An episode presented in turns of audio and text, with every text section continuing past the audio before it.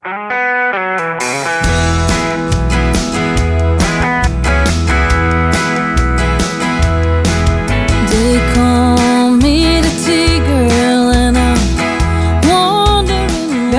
bij de Courage Podcast.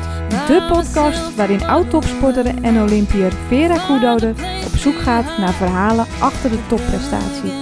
Maar wat is courage dan? Courage staat voor moed en doorzettingsvermogen. En dat is nou net de rode draad door het leven van de gasten van deze podcast. Genoeg stof om over te praten dus. Veel luisterplezier. Welkom eh, bij de derde aflevering van de Courage Podcast. Ehm, nou, het komt bijna niet toepasselijker. Eh, half Belgische en half Nederlandse is ze. En hier de gast in de Courage Podcast eh, uit Eindhoven helemaal. eh, zeer vereerd dat Kim Dille hier eh, aan tafel zit. eh, want ehm, courage is een Vlaamse wielerterm. En eh, dat staat voor moed, strijdlust, doorzettingsvermogen. Wat zeker op Kim van toepassing is marathonloopster. En ehm, ja, een, een, een Vlaamse wielerterm. Dus, en dat voor een half Belgische. Dus eh, vond ik heel, heel toepasselijk. En Kim, mijn leeftijdsgenoot van 15 januari 1983. Nou ja, goed, ik ben van oktober 83. En eh, Kim is eh, geboren en getogen eh, in Veldhoven. Woont in Eindhoven tegenwoordig. En eh, freelance ook aan het werk tussendoor bij Q Concepts. Ehm, Nederlandse top ehm, in het hardlopen met PS. Ga er even goed voor zitten, luisteraars. Want 1.12.50 op de halve marathon. Ehm 33.26 op de 10 kilometer. Echt heel hard. Een, een marathontijd van 2.33.24. Ja, daar, daarmee behoort Kim dus tot de absolute top van Nederland in de wegatletiek. In 2016 deed ze mee aan de Europese kampioenschappen in Amsterdam. Kwalificeerde ze zich ook voor het EK Marathon in 2018. Maar toen, ja, toen liet je die eh, schieten, Kim. En eh, keek je thuis vanaf de bank met, met haar, je pasgeboren dochtertje Lauren eh, op, op schoot. Nou, toch wilde Kim graag naar de Olympische Spelen in Tokio. Het bleef helaas bij een Olympische droom. Ehm, en nou, met Kim wil ik het dus vandaag gaan hebben over hardlopen. Wat maakt die marathon nou echt zo speciaal? En eh, vooral over die Olympische droom, het moederschap en dan de combinatie hiervan, wat echt uniek is. En wat heel weinig vrouwen van, van dit niveau in Nederland ook doen. Ehm, dus nou ja, ehm, voor, voor de luisteraars eh, een, een klein inkijkje nu eh, in, eh, in de prestaties van Kim Dille. Maar ehm, heel veel ook nog dus, te vertellen over het moederschap. En eh, voordat we verder gaan, Kim, hoe kennen wij elkaar eigenlijk? Dat is misschien ook wel leuk om te vertellen. Hè? Want jouw vader die vroeg het net ook al. Je bent hier met je vader naartoe gekomen. Klopt. Die ja. gaat hier de omgeving ook verkennen deze middag. en ehm, nou, we hebben net al lekker even wat gegeten, koffie gedronken, gekletst. We hebben elkaar uiteindelijk vandaag voor de derde keer eh, in het echt gezien. Maar ja, vertel zelf maar. Het is best wel grappig hoe het eh, gelopen is eigenlijk. Ja, en volgens mij onze kinderen hebben ons Ja. samengebracht. Eh, Ja. We waren Ja. redelijk in dezelfde fase zwanger. Ja, En zo zijn we bij elkaar uitgekomen, of in, in contact gekomen met elkaar. Ja. Dus, eh, volgens mij via Instagram, toch? Ja, ja, via via. Ja, ja En dan eh, ga je elkaar volgen. En dan, eh, ja, tenminste, dan, Heb ik... je dezelfde vragen. Ja, ja heb je, je, je, je worstelt ja, toch wel met dezelfde vragen als je voor het eerst moeder wordt.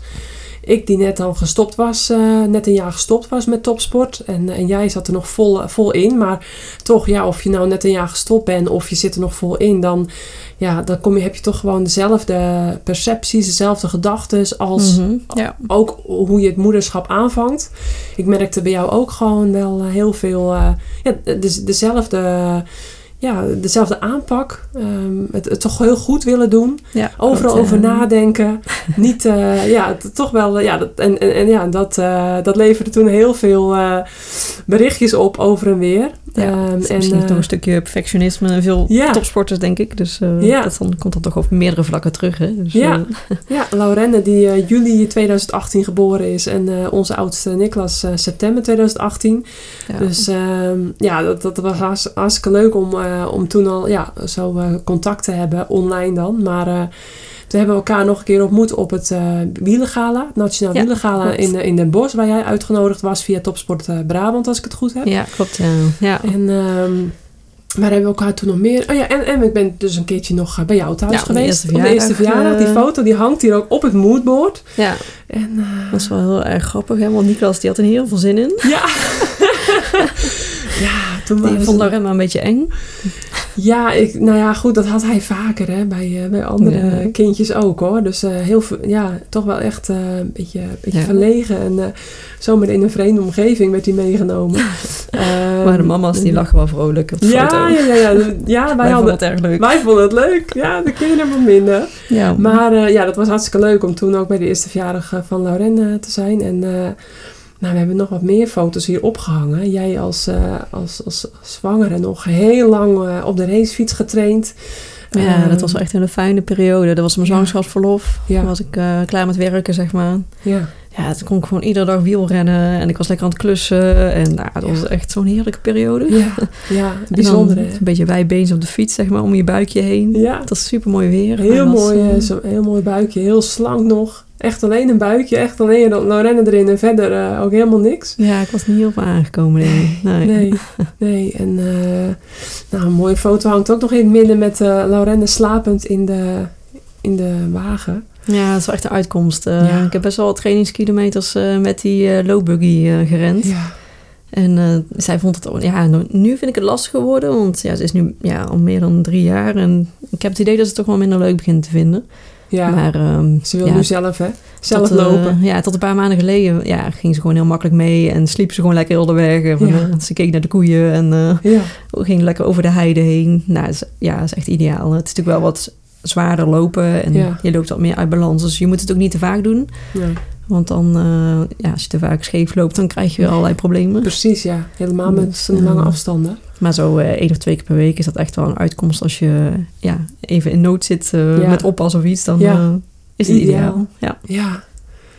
En Laurenne die al zonder... Ja, daar nog op die, op die foto. Ja, een heel mooie foto van jullie samen. Klaar voor de start. Zij op de, op de loopfietsen, jij hardlopend. En dan... ja, zij die nu al heel eh, snel ook zonder zijwieltjes wegfietst. Hè? Dus, ja, toch? Ja, ja, voor de derde al. Ja, Ja, nee, ze is eh, motorisch wel snel, ja. ja. De eerste hardloopschoentjes heeft ze al. dus af en toe dan, dat vind ik leuk, gaan we rennen door het bos. Dan hebben we zo'n klein rondje voor de deur eh, van eh 200, 300 meter. Oh ja. En dan rent ze en ondertussen ook keihard lachen. Ja, ze heeft er heel veel plezier in al. Ja, ja, oh, dat wil natuurlijk nog niks zeggen, maar het is gewoon hartstikke leuk. Eh, alles wat we buiten doen vind ik helemaal prima. Ik ben Ja. helemaal blij mee. Leuk. En ehm, ja, dan ben ik wel benieuwd. We hadden het er net voor de podcast al even over. ik eigenlijk die ehm, zelf vanaf mijn nou, tiende, twaalfde zo'n beetje met nou, eerst atletiek, hardlopen, daar hadden we het ook over gehad. En vervolgens schaatsen, skileren. En toen eh, vanaf mijn vijftiende nou, echt volledig ben gaan wielrennen. En vanaf mijn zestiende, achttiende alleen maar daarmee bezig was. En mijn le- hele leven draaide om sport. Nou ja, goed, we zijn allebei van 1983 en eh, uit, nou, na ons dertigste kregen we eigenlijk pas hetzelfde leven. En bij mij, ja, ik was na mijn 33ste gestopt. Dus eigenlijk is het bij ons een beetje omgekeerd. Mhm. Want bij jou is het echt, nou ja, toch bijna zo andersom gegaan. Jij die ja. pas op, echt op latere leeftijd ehm, steeds fanatieker en fanatieker werd. Ik, Ja. ik al heel jong fanatiek. Ehm, en ehm, nou ja, eh, jij eh, toch een heel bijzonder verhaal vind ik dat je de top van Nederland hebt behaald. Terwijl, terwijl je meestal ziet dat, dat, ja, dat je al wel veel jonger begint met, eh, met de kilometers maken, met, met eh, toch een bepaalde basis opbouwen eh, Mhm. in de sport eh, waar je Ja. later in uitblinkt. Dus ehm, hoe, hoe is dat, ja, de levensloop bij jou gegaan? En, Ja, ja, goed, wij deden wel echt van jongs af aan al atletiek natuurlijk. Dat is wel iets wat, ja. ja, dan denken al veel mensen van, oh, daardoor komt het al zo dat je zo hard kan lopen. Maar Ja. Het is niet dat ik uitblonk uh, als kind. Ik was ook wel een beetje gezet. En, uh, niet voor te stellen, want ik ken jou alleen maar echt uh, heel, heel slank. Ja, nee, ik was niet heel smal of zo. En mijn broer die deed atletiek, meerkamp en hoogspringen kon hij goed. Ja. Dus ik ging al meekijken en ik vond het wel heel interessant om te zien en leuk. En Ja. goed, ik zag ook die contacten die hij had met de andere kindjes en zo. En ja, dat wilde ik ook wel. Dus uh, Ja. zo ben ik ook uh, op atletiek gegaan. Leuk. En uh, ja, we gingen heel veel op weekenden weg naar de Monenmeerkamp, had je het weer, allerlei meerkampwedstrijden. Ja. Toen deed ik natuurlijk gewoon alles als kind. Ja. En um, ja, goed, ja, ik kon wel aardig sporten, maar niet, eh, ik blonk echt niet uit. Ehm, en toen ik vervolgens in de juniorenleeftijd kwam, toen kon ik op de, de middellange afstanden, of ja, de 1000 meter, zeg Ja. maar, 600 meter, kon ik wel, eh, die won ik dan wel vaak regionaal of zo. Dan, Ja. En op het NK had ik top 10, zoiets. Maar ja, Ja. allemaal niet heel spetterend, maar ik kon wel aardig lopen, laat ik het zo zeggen. Ja. Dus, ehm, maar ja, toen ging ik studeren. Ja. Ehm, ik ging accountancy doen. En tegelijkertijd ging ik ook op mezelf wonen. Of ik ging samenwonen al op mijn achttiende. Mhm.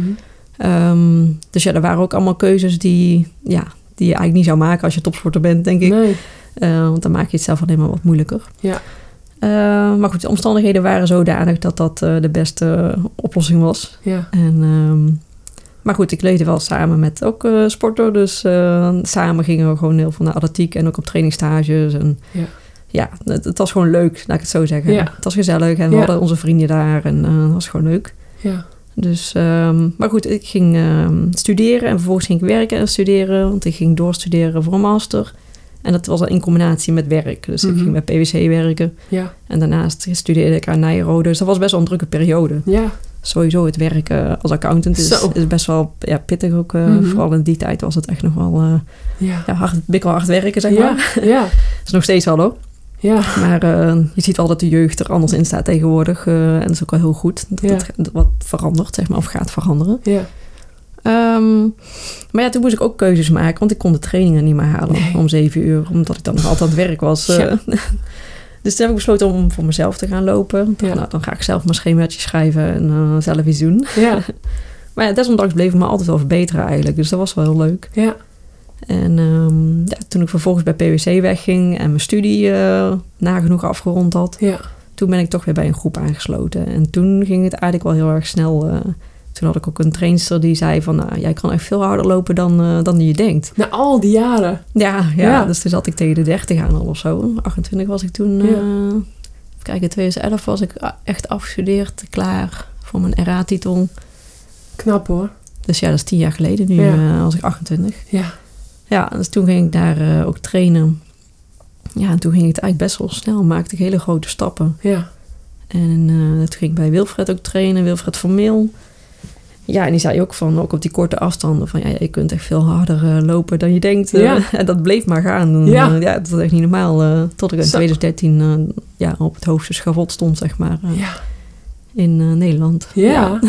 ja, echt een bijzonder verhaal. Want, maar eigenlijk was jij, eigenlijk, ja, doordat jij toch heel slim was hè, op, het, op het gebied van leren, dat deed je misschien de das om. Omdat je natuurlijk ook zoveel tijd moest stoppen in het werk en de en, en studie afronden. En dat, dat, uh, ja, dat Ja, nam ja. nog wel wat jaren in beslag. En ik werkte ook gewoon naast Ja. studeren. En Ja. ik moest toch, uh, er moest toch geld binnenkomen, zeg maar. Ja, en dan is het in Nederland natuurlijk niet de cultuur dat je ehm, ja, eh, zomaar een kans krijgt om dat, om dat eh, goed samen te kunnen combineren. Of om dat dan eh, in die tijd dan, hè, want eh, dat is nu hè, met het dual career, met bepaalde eh, studies, met bepaalde leerprogramma's is het nu wel vaak beter ingeregeld voor eh, studenten. Maar Mhm. in die tijd was het waarschijnlijk ook eh, nou ja, vanuit, de, sch- vanuit de studie niet, eh, niet mogelijk om daar vertragingen op te lopen of eh, st- ja, studieschulden uit te stellen of dat soort dingen allemaal. Ja, Wat, wij nu wel eh, als topsporter veel meer mogelijkheden krijgt. Om, misschien eh, wel, dat weet ik eigenlijk niet hoor. Misschien, ja, als er een Hmm. wil is, is er een weg, denk ik ja, altijd. ja, eh, maar goed, dus- dan is atletiek natuurlijk wel een Ja. behoorlijke maar ik weet niet of die, sport. ja, die, die topsportambitie is toen ook nooit bij mij, Nee. dat heeft nooit bij mij gespeeld, laat ik het zo zeggen. Je dacht gewoon, nou, het is leuk, maar ik kan, ja, je had niet, ja, je bent ook wel, denk ik, bescheiden van jezelf. En Ja, dat misschien scheelt het ja. ook wel. Maar ik had ook hele andere behoeftes, want ik ging op mijn 18 om mezelf of samenwonen. En eh, mijn partner die had al een inkomen en ik nog Ja. niet. Ik moest nog eh, studeren. Ja. Dus mijn doel was alleen maar zo snel mogelijk afstuderen. En ik wil ook geld verdienen, weet Ja, je. Ik ja. wil ook gewoon aan het inkomen bijdragen. Dat was Ja. mijn doel vooral. ja, En daarnaast deed ik hardlopen. En Ja. dat ging eigenlijk ook al goed, steeds beter. Maar Ja. goed, het was bijzaken. Ja, En, eh, ja. Ik had hele andere primaire behoeftes of zo. ja, ja, ja, ik snap het, ja. Ja. Ja, en dan gaan de jaren voorbij. En ja, dan, dan gaat het snel stiekem. ja, het leven gaat zo snel, joh. En dan, Ja. nou ja, op een gegeven moment... ehm, Ik ja, heb er ook nooit spijt van gehad of zo, dat ik andere keuzes had moeten maken of zo. Nee. Nee. Het heeft Nee. zo moeten lopen en ik heb ook superveel geleerd van dat traject. Dat had ik ook nodig, denk ik, om Ja, ehm, sterker in mijn schoenen te staan. ja, Zelfvertrouwen. Ja, ik was echt wel een verlegen, bescheiden meisje. En ja, Ja. nog steeds wel bescheiden, denk ik. Maar ehm, Mhm. daarin ben ik wel echt gegroeid. En daar had ik ook die studie voor nodig, denk ik. Ja. En ook dat werkveld, dat het best wel hard kan Ja. zijn. Ja. Dat er echt nodig om, eh, om verder te komen, ook in mijn sport. Dus, Ja, ja. precies. Dus je kon eigenlijk, eh, dat is meestal wel omgekeerd, denk ik. Dat, dat eh, nou, uiteindelijk topsporters heel veel meenemen uit een topsport, topsportcarrière in het werk, wat ze dan daarna gaan doen. Bij jou is het een beetje andersom, dat je eigenlijk ook door je werk ook een ja, persoonlijkheid hebt gecreëerd en, ja, en dingen heeft, hebt ingezien. Die, die je Ja. later ook als topsporter eh, kon gebruiken. Misschien eh, ja, eh, gewoon met je elleboog ontbijt bij die start gaan staan van hier ben ik en, ja. en ja, ik, ik, ga, ik ga het vandaag doen, zeg maar. Die mentaliteit. Ja, En dat je ook echt met zelfvertrouwen aan de start staat van vandaag ga ik het doen. ja, Ja, dat, dat kwam echt pas, denk ik, eh, 2013 of zo. Dat Ja. ik eh, bij de Dam te Dam lopen stond van... oké, ik ben er klaar voor en ik Ja. ga hier echt eh, even iets laten even zien. shinen. eh. ja, de verlegen, dat is wel bijzonder dat dan eh, ja, toch ja, de verlegen Kim dan eh, ja, zo zich, eh, ja, dat je je toch zo kan ontwikkelen ja, op, ja, eh, op meerdere fronten. ja, maar ja, op zich, ja, zo'n studie is ook wel echt een rijk, eh, rijk Ja. voor je persoonlijke ontwikkeling. Dus, Zeker, eh, zeker. Dus, ja, het was super leerzaam. eh. Ja, mooie weg geweest. Ja, En, eh, maar goed, ehm, in, eh, ja, eh, op, toen was je Nederlandse top. En toen dacht je, nou, ja, dat hardlopen zeggen ze vaak, hè, dat, dat even voer ik zelf ook wel. Het is een beetje verslavend. Dus dan wil je meer en meer, nog meer. En dan wil je steeds jezelf blijven verbeteren, steeds sneller. Maar ehm, dan ga je steeds nou, meer trainen, ehm, harder trainen. En dan komen ook die blessures. Maar dat is, is bij jou ook wel een rode draad geweest, hè? In die, eh, in die jaren daarna, toch? De, ja, de laatste jaren wel, ja. Eigenlijk daarvoor nooit. Nee. Eigenlijk ja, kon ik Eigenlijk altijd al de eh, redelijk blessurevrij eh, hardlopen. Ja. Dus was ik al een gelukzak wat dat betreft. Ja.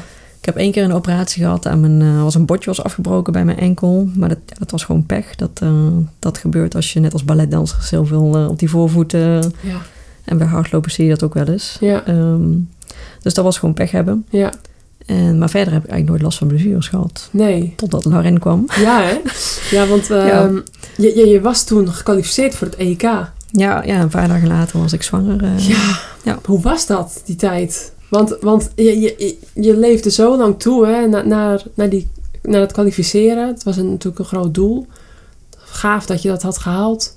Ja, en ja, volgens mij moest het wel eh, met gemengde gevoelens zijn. Dat ik uiteindelijk zwanger was of wat. Nou ja, ja dus aan de ene kant volgens mij heel blij. Het, een geschenk. Ja. En aan de andere kant, ja, toch het levensdoel van dat moment. Dat, dat je toch denkt van, hé, wat, wat gebeurt er nu? Of, of Ja. hoe, hoe, hoe heb je dat toen even ervaren? Want ik kan Ja, me ik- daar wel wat bij- voorstellen dat het... dubbel moet zijn of zo. eh, ja. Nou, ik kwam toen terug van die operatie. Toen na het EK in Amsterdam heb ik me laten opereren. Ja. Heb ik een revalidatietraject gehad. eh, en in januari kon ik weer rennen, geloof ik. En toen ben ik gaan opbouwen naar die marathon om het te kwalificeren. Ja. Nou, dat was dus in september gelukt. Eh, dat was eigenlijk wel allemaal een uitge, ja, gepland traject. En daarna zouden we kijken of dat we toch niet een kindje konden krijgen. Ja. Dus, en dan- ja, dat was gewoon meteen raak. Ja. dat hadden we ook niet verwacht. Want Nee. meestal ja, put je je lichaam toch best wel uit in een voorbereidingstraject. Ja. En dan is de cyclus ook van slag. Ja, Eh, dus ik had eigenlijk helemaal niet gedacht dat dat zou lukken. Maar Nee. ja, blijkbaar was ik dan toch nog best wel in balans of zo. ja zeker. En, Ja. ehm, Dus nee, ja, ik, ik was eigenlijk eh, super blij dat het zo snel lukte. Want ik Ja. wist ook natuurlijk, ik had dat Tokio in mijn hoofd zitten. Eh, ik denk, nou ja, als ik dan zwanger word, dan moet het eigenlijk ook snel. Ja. Maar je wil jezelf niet, druk, niet geen druk opleggen natuurlijk, Nee. want dan lukt het niet. Nee, nee. Dus maar in mijn achterhoofd had ik wel de hoop dat het snel zou lukken, ja. Ja. Dus ik was eigenlijk Dus dolblij. eigenlijk eh, gewoon alleen maar blij. Ja, Ja, ja, nee, en dat EK, ja. nou ja, dat is dan maar een EK. Ja, die Ja. komt dan nog wel een keertje. Dacht Ja. ik van, ja, na die zwangerschap is er ook nog genoeg tijd om, eh, om dat soort dingen te ondernemen. Ja, Als er geen blessures zijn. Maar dan- hopelijk gaan we daar een keer van afkomen. ja, Maar eh, nee, ja, die, die komen vaker. Die zijn eens in de twee jaar. ja. En ja, het is heel jammer, maar helaas. Ja, ehm, ja, ik ben blij om te horen dat het in ieder geval, eh, ja, dat die gemengde gevoelens die ik me goed kan voorstellen, dat die, er, dat die er niet waren. Want uiteindelijk draait het in het leven natuurlijk toch om, eh, hè, om, om, om familie, om, om eh, ja, ja. sport is fantastisch, maar er zijn altijd nog wel weer belangrijkere dingen dan dat. En ja, goed, eh Lorena was toen een geschenk. Ehm, ik herinner me, daar hebben we het toen ook wel regelmatig over gehad, dat de bevalling was behoorlijk heftig voor je lichaam. Ehm, Mhm. Ja, dat kun je ook niet voorspellen natuurlijk. Eh, vooral als je voor de eerste keer moeder wordt, dan is alles nieuw. En, en, en ook ehm, ja, de, de periode na de bevalling, hoe je dat dan weer moet aanpakken qua opbouw. En Ja, ja het is echt eh, zo, zo'n onbekend traject waar je in Ja. gaat. En ja, er is misschien toch wel langzaam meer bekend over. Maar ik vond het toen best wel lastig om er echt een weg in te vinden. Van, Ja. ja. Wie weet er nou eigenlijk echt iets goed van? Ook eh, Precies. met medische achtergrond. Of, Nee, want wat Ja. ik net zei, er zijn in Nederland, nou, ik, ik kan ze niet bedenken. Of er zijn geen eh, vrouwen van zo'n hoog niveau, echt Nederlandse top, die eh, ook dat, hè, die Nederlandse top hebben behaald met, met één of meer kinderen. Dus, dus ik denk dat je Hmm. niet echt iemand had als ervaringsdeskundige die op zo'n hoog niveau met zo'n zware belasting hetzelfde deed als wat jij deed. Dus, ja, ja of- wel wat Ja, oudere dames, denk ik eh, hoor. kon je Ja, naar iemand toe met, die, die veel eh, ja, kon vertellen op dat gebied? Ja, op zich wel. Ik heb wel wat vragen gesteld. Ook aan Merel de Knecht bijvoorbeeld. Oh, ik weet ja. niet of kent. Ja, die, Ja. eh, die heeft dat toen ook gecombineerd. Ja, En die heeft ook moeten terugkomen na een, eh, een bevalling zwangerschap. ja, Eh, dus met haar heb ik toen wel, eh, wel gesproken, ja. ja. En ik heb ook internationaal wel een aantal dames die ik dan volgde via Instagram. Heb ik ook wel eens wat vragen gesteld. Maar die zijn dan toch vaak best wel moeilijk te bereiken, zeg maar. Of Oké. die staan er niet voor open. Of, Jammer. eh, ja, dat is super jammer, ja. Ja. Maar goed, je kunt natuurlijk ook al gewoon mensen volgen. Net als Gwen Jurgensen, Ja, de Olympische kampioen triathlon. ja, Ehm, ja, die volgde ik heel intensief. En Ja. die, die, gooit hele verhalen op Instagram over hoe ze het doet. En ja. wat ze allemaal tegenkomt. En met de borstvoeding. En, Ja, ja, dat is super interessant. Dus Ja, ja, hè? ja, zo kun je ook wel heel veel informatie tot je krijgen. ja, precies, ja. Maar er is, ja, ik heb, ik heb misschien ook niet genoeg mijn best gedaan om dat te, te realiseren. Maar dat er iemand naast je staat van, oké, jij wil eigenlijk terugkomen. Ja. je kunt het beste dit of dat doen. En Ja. blijkbaar mocht je meteen na de bevalling al bepaalde oefeningen doen, bekkenbodemoefeningen. Mhm. Nou, wist ik ook niet. Dat Nee. hoorde ik dan een paar weken later. Ja. Dat ik dat meteen al eigenlijk al mogen doen. Ja, Allemaal dat soort dingetjes. denk ja, potverdorie. ja Hadden we anders kunnen doen. En, eh, zonde is dat. Ja, ja, dat is wel zonde, ja. Maar goed, ja, je weet het gewoon niet. Het is zo'n onbekend iets. En, Ja. eh, ja. Ja, Lizzie Dijnen, die ook eh één dag na mij haar kindje kreeg. Volgens mij heb je die ook wel Ja, ik eh, gevolgd. Ja. Ehm, ja, nu ook nog steeds. eh, die heeft ook in Tokio dan gefietst. En ja, ook eh, van Tokio haar grote doel gemaakt. Ehm, en eh, ja, dus tegelijkertijd met ons ook zwanger. Maar dan is fietsen natuurlijk toch ja, veel idealere sport. In de zin van ja, die, die, die belasting die, eh, Ja, die je niet hebt. eh, Die klappen. Ja. En nou heb jij natuurlijk ook veel gefietst. En, en de elliptico heb je Ja. goed gebruik van gemaakt. Dus elliptico, voor de mensen die het niet weten, is dan een soort kruising tussen crossfit en of crosstrainer en hardlopen, wielrennen, langlopen. Die, die sporten kun je eigenlijk een beetje ja, mixen. En dan komt daar een eh, elliptico uit. En dan kun je zonder belasting eh, kun je rechtopstaand. eh Ja, lekker buiten. ja, buiten in ieder geval. kun je trainen. inspanning. Ja, dus dan... ehm, Ja. ja. dat kon je doen. Maar uiteindelijk heb je natuurlijk ook die, ja, die looptechniek en die, ja, ook die schokbelasting waar je toch aan gewend moet zijn, wil je een, een wedstrijd doen. Want als Mhm. je dan een wedstrijd doet zonder dat je die schokbelasting voldoende hebt getraind, dan krijg je daar weer in verhouding veel te grote Ja. terugslag van. En eh, hoe, hoe is dat toen gegaan? Want ehm, eh, ik herinner me dat jij nog de acht van Apeldoorn in een hele snelle tijd nog hebt gewonnen. Ja, ja, het ging al Ehm, redelijk snel, best ja. goed op zich hoor. Ja. Dus ehm, ja, nou, Misschien iets te snel, iets te goed. Of, ja, nou, ik heb toch echt wel voorzichtig gedaan hoor. En heel goed Ja. gevoeld hoe het iedere keer voelde. En ja, ik ben na de bevalling of zo, ik denk na twee weken of zo, ben ik heel licht een beetje binnen gaan eh cross trainen in de sportschool. Mhm. Maar dat vond ik al best wel eigenlijk al een heftige inspanning. eh, Ja, ja. Een, zwangerschap en bevalling doet wel wat. eh, Ja, nee, absoluut. Ja, dat heb ik ook wel echt onderschat van tevoren. Ja, Ja. Ik wist eigenlijk gewoon echt niet wat er komen ging. Nee. Ik weet wel dat ik aan mijn schoonzus vroeg van... eh, ja, hoe weet ik nou dat het, dat het gaat beginnen? Ja. Oh, Toen ja. zei ze, nou, dat weet je wel als het begint. Oké, Ja. inderdaad, dat weet je dan wel. Ja. Ehm, maar goed, ja, en ik ben denk ik als eerste een beetje gaan fietsen ook. En eh, dat ging al vrij snel wel goed. En eh, na vijf weken ben ik een beetje begonnen met lopen. En Vijf weken al. Snel eigenlijk, hè? Ja, maar wel heel voorzichtig hoor. Dat is Mhm. dan echt eh, 100 meter lopen, dan Ja. wandelen, 100 meter rennen, Ja. wandelen. En zo heel langzaam uitbouwen naar minuutjes, drie Ja. minuutjes, vijf minuutjes. En allemaal op gevoel. En dan ook echt maar twee of drie keer per week. Ja, gewoon echt heel voorzichtig uitbouwen. Mhm. En eh, ik, ik, ik hield wel best wel lang een zwaar gevoel of zo, zeg maar. Maar dat, dat ging op een gegeven moment ook wel weg. Zo in december of zo voelde het allemaal eigenlijk best wel weer normaal. Ja. En toen hebben we ook langzaam een intervaltraining weer. eh dus daar hebben we het al over vijf maanden, hè, zoiets. Mhm. Toen zijn we een beetje gaan intervallen in december. En toen liep ik eind december in, ehm, bij Parijs een wedstrijd. Ja, toen liep ik een 34 laag of zo. Echt, eh, Zo. dat wow. Hard hè? Zo snel. Toen had ik ook ja, een amper intervaltraining gedaan. En op zich nog niet heel veel looptraining eigenlijk in de week. En eh, al borstvoedend in de, in de wedstrijdtent van tevoren zo. eh Zo. dat is wel heel mooi wat er dan ook, eh, hoe die andere atleten dan kijken naar Ja. je. Van, wow, wat gaat hij doen? Ja, Maar er, er kwam dus ook een Française bij naast me, de Calvin heette ze volgens mij. Die begon Mm. echt een heel gesprek tegen mij van... Oh, wat mooi dat je dat doet. Ik heb dat ook gedaan met mijn kleine. Oh. En dat is ook echt een, ja, een internationale topatlete die Ja. met kinderen dus hoog mee kan. Dus het is wel leuk wat contacten je dan weer opdoet. Ja, het leuke is dat om dan eh, ook ervaringen mee te wisselen, lijkt me. En, ehm Ja, en maar dat ging dus al heel goed toen in eind december al Maar volgens mij heb jij een half jaar borstvoeding gegeven. Na eh, elf maanden. Elf zoiets. maanden zelfs. Maar ik ben wel na een half jaar een beetje gaan afbouwen zo langzaam. Oh, ja, precies. Ja, dat was het. Ik, ik weet dat Lizzie een half jaar had gegeven. En, en ja, en jij, ehm, Ja. jij nog langer. Dat, dat is eh, ja, helemaal voor het hardlopen. Wat ik van mijn osteopaat hoorde. Dat ehm, met ehm, hardlopen, hè, met, met die eh, belasting die je dan ehm, steeds, die, die schokken die je krijgt. Dat als je borstvoeding geeft, dat je hormonen, je hormonenhuishouding ook anders is. Mhm. En dat alles wat, wat losser is in het lichaam. Ik voel dat bij mezelf ook wel echt. Dat het, Ja. dat, dat het allemaal eh, ja, eh, wat losser is. En ook eh, Wat weker. Ja. wat weken. Ja. Ja. En, en dat wat die osteopaat dan uitlegt, dat, ja, dat voel ik ook wel aan Mhm. mijn lichaam. Ehm, ja, en, en dat is nou juist niet wat je eigenlijk met hardlopen wil, wil hebben. Ja, ik denk dat het ook wel een beetje gevaar is geweest. Want ik liep toen Ja. heel makkelijk hard al. Mhm. En toen liep ik begin februari eh, het NK, 10 kilometer. Ja, En werd ik ook tweede. ja, dacht ik, wow, oké, nu Echt gaan we... heel knap. En toen dacht ik van, nou, als ik dit bereikt heb, nu Zo. gaan we echt trainen, zei ik tegen de Ja. trainer. Van, nu gaan we gewoon weer op het oude niveau trainen, zeg maar, qua hoeveelheid. ja, Ja, toen was ik binnen een week geblesseerd. Ja. ja. ja. maar ik gaf het inderdaad nog wel op borstvoeding. En ik denk wel dat dat een soort hormonen afgeeft, wat je heel sterk maakt ook. Mhm.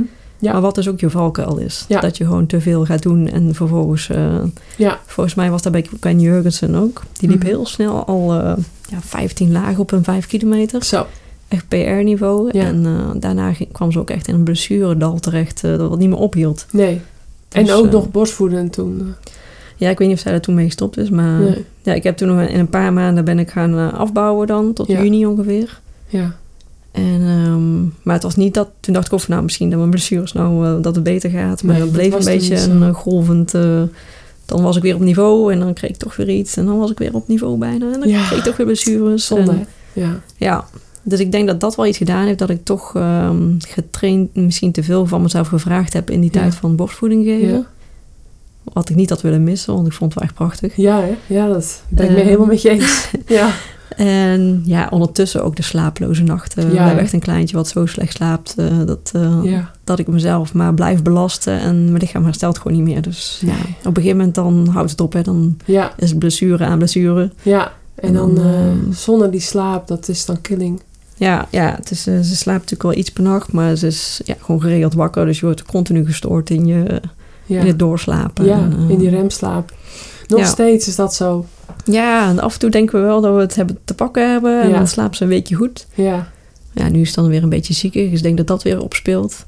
ja. Dus, maar ik dacht al dat we een doorbraak hadden. Dus ik heb hoop dat ja, het... eh, ik hoop het ook voor je, want ja, ik, ik vind het al zwaar eh, nu zo'n beetje bijna drie jaar, eh, nou ja, op twee handen te tellen doorslapen tussen 12 en ja, 6. als je Maar, eh, ja, maar goed, eh, ja, als je er ook eentje hebt, het maakt eigenlijk niet uit of je er dan twee hebt of één hebt. Ehm, en ehm, ja, de, ik, ik hoop, ja, als ik, als ik al zie ja, hoe, soms, hoe laag mijn energielevel is om dus een stukje te gaan, gaan fietsen, dan, Ja, dan ja. kan ik me helemaal voorstellen als je dan überhaupt nog zwaar moet gaan trainen.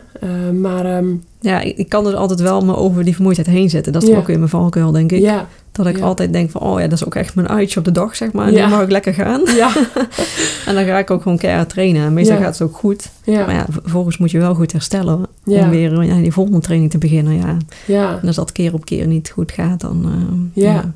Kun je Ja. blijven sleutelen. Maar Ja, ik had het er ook nog met, met Lopke Berghout over in de, in de eerste podcast. Eh, zij die nu in Tokio dan meedoet met het eh, zeiltoernooi in de 74. En eh, ja, ehm, toen vroeg ik ook aan haar van... eh, zij heeft ook één dochtertje. Die is dan wat ouder inmiddels. maar ehm, ja, zij kreeg ook heel veel energie van haar dochter. Dus ik zei ook van, ja, eh, stoor je dan niet aan? Erger je niet? Word je niet af en toe wat, wat kribbig? Dat ze, hè, dat, dat, dat zes, een oude dochtertje, dus die slaapt wel wat beter. Hè? Dat is niet meer eh, in Mhm. de eerste drie jaren.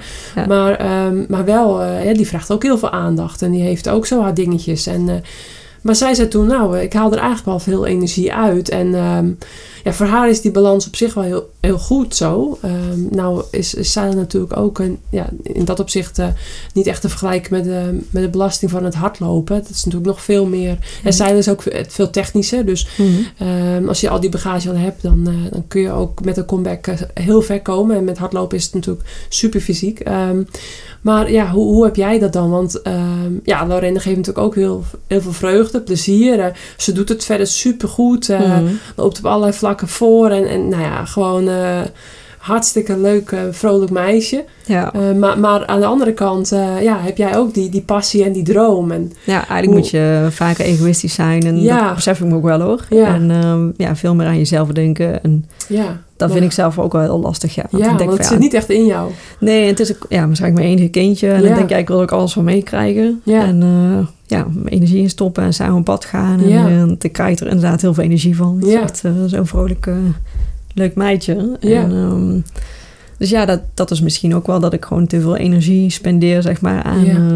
eh, ons samen, zeg maar. Ja, Dat ik dan weinig energie eh overhoud. Ja, of ook weer minder energie Ja. overhoud voor mijn herstel. Dus ehm, eigenlijk moet ik dan vaker voor me kiezen. Maar dat vind ik wel echt lastig, ja. Dus ik merk nu wel dat het wel langzaam makkelijker wordt. Want ik vond vooral de leeftijd zo anderhalf, twee jaar. Ja. eh, dan kunnen ze zich toch nog minder goed uit of zo. En Ja. zit er vaak frustratie ook bij die kleine. En raak je zelf ook wat gefrustreerd. ja.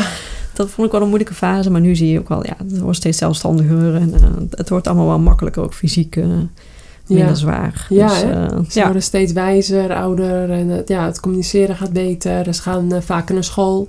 ja. Dus straks vanaf de basisschool, dan zul je ook waarschijnlijk wel meer tijd hebben ook voor de trainingen voor jezelf. Ja, En- ja, dan kun je echt wat, eh, wat rust pakken. En nu heb ik bijvoorbeeld dan geen eh, opdrachtloper. Nee. En dan heb ik ook echt de dagen dat zij op de kinderopvang zit. Dan ja, kan ik dus echt op mijn gemak trainen. bijtrekken. Zonder haast trainen. En ook echt daarna gewoon zorgen dat ik goed mijn voeding binnenkrijg. Ja. En een keer mijn benen omhoog kan leggen. Ja. En, ja, Boekje lezen. ja, zoals het een beetje hoort, zeg maar. Eh, en dan hopelijk werkt het ook in het voordeel van het herstel. eh. ja, precies, ja. ja. Ja, dus het is eigenlijk niet optimaal, maar ehm, toch op het moment in je, in, in je leven, in deze levensfase, wel eh, eigenlijk het liefste wat je, hoe je het hebt. Dus ja. toch wel, ehm, ja, on- onder deze omstandigheden toch proberen het maximale eruit te halen. ja, ik denk wel, ja. Ik zou niet meer afstand willen nemen of zo. Dat zou ik niet kunnen, nee. Dat zou ik zonde vinden. Ja. Ja. Ja, zonder, je bedoelt de afstand met, eh, met Lorenne. En, eh, Ja, ja, want dan zie je ja. natuurlijk ook wel dat atleten op trainingstage gaan of moeders, zeg maar. Ja. eh, maar dat zou ik wel moeilijk vinden. Ja, ik weet niet of dat zou kunnen. ik, ja. ik kan me er ook niks bij voorstellen. Ik ben ook echt een, echt een moeke. Eh, ik, ik ben ook nog ja, op twee ziekenhuisovernachtingen na ben ik nog nooit één nacht gescheiden geweest van eh Niklas, Hmm. van de oudste. En dan van de baby al helemaal niet. Eh, Ja. ook geen, eh, in de tien maanden, ook, ook geen één nacht erbij weg geweest, zeg maar. Dus ik kan me er niks bij voorstellen ook om wekenlang op trainingskamp te gaan. Dat lijkt me verschrikkelijk. Ja, ja, ik zou het ook wel heftig vinden. Ja. Ja, dus, dus ja, dat, dat, eh, dat zijn natuurlijk echt wel eh, hele grote opofferingen. Ik zie het ook vaak bij, de, bij de moeders eh, in, de, in de sport, ja, die ook heel emotioneel daarvan worden. En ja, het gemis van de kinderen, ja. Ja, dat zie je echt in de ogen terug. ja. Nou, knap En, dat ze dat kunnen. Ja, ja. En, maar goed, ja, dat hoeft bij jou ja, gelukkig niet. Dus dat is, eh, is dat een voordeeltje dat je nu niet in Tokio zit? Dat was jouw, eh, jouw doel, jouw droom. Ehm, ja, toen je ja, zo goed begon te lopen, toen, eh, ja, dat was ehm, ja, wat je heel graag wilde. Maar ehm, wat je net ook al voor de podcast zei, het, het is, ja, je, je bent er nu ook niet heel zwaar onder van, nou, ik heb het doel niet gehaald. eh, Hmm. het- ja, het, het, eh, ieder nadeel heeft zijn voordeel. ik bedoel, ja, ja, nou, of goed, had ik mocht kiezen, dan had ik er wel gezeten. had je de, toch ja, wel, natuurlijk wel. Ja, ja. Ja. Dus, maar ik besef me ook wel dat het gewoon een raar jaar is geweest. Ja. En ehm, ook met corona natuurlijk. Ja. Ehm, ik heb één poging dus kunnen doen in Eindhoven 2019. Ja, heb ik gezien, ja. Toen ben je Eh, uitgestapt. Toen ben ik uitgestapt, ja. Had wel wat foutjes gemaakt achteraf gezien die we, wat denk ik wel eh, misging. Ja, te snel dan gestart? Of? Nee, nee, dat was allemaal... Eigenlijk was ik best wel goed voorbereid hoor. Ik Mhm. had wel meer gefietst. We waren in St. Moritz geweest. En Ja. ehm, ik had daar een wielrenfietsje gehuurd, want ik had toch wat klachten. Ja. Veel gewatertrappeld, of noem je dat, aquajoggen. Ja, Maar ook daar in de bergen echt schitterend gefietst. Dus dat gaf ook wel energie eigenlijk. ja. En, eh, maar ook wel mooie looptrainingen kunnen doen. Mhm. Dus op zich denk ik dat ik best wel fit daar aan de start stond. ehm. maar we hadden ehm, ook tijdens die trainingstage met ketonen gewerkt. Oh ja. Dat is misschien in de wielersport meer bekend, denk ik. En ehm, ik had dat toen voor de wedstrijd ook genomen. Mhm. En pas later bij een trainingstage in Portugal, in januari of zo, toen sprak ik met eh, een van eh, een grote wielerploeg die daar zat. Mhm. Die zaten daar ook voor trainingstage. En eh, had ik gevraagd of ik even met een voedingsdeskundige mocht spreken. Oh. En toen Ja. leerde ik pas meer over ketonen. Ja. Toen dacht ik, oh, volgens mij hebben we dat echt heel fout aangepakt. Oh ja. Want door ketonen ehm, kun je eigenlijk niet in je hoge hartslagzones komen. Oké. Dus bij wielersport is dat heel handig, want dan fiets je in een peloton, lekker Ja. meedraaien. Ja. En in de eindsprint heb jij meer energie over. Dus zo probeer je dat helemaal ideaal af te stemmen. Ja. Zodat we uiteindelijk in de finale gas, eh, extra gas kunnen geven eigenlijk. Ja. Ja, ik ben er niet helemaal niet meer bekend mee. Dus ik vind het heel interessant wat je vertelt. Ja.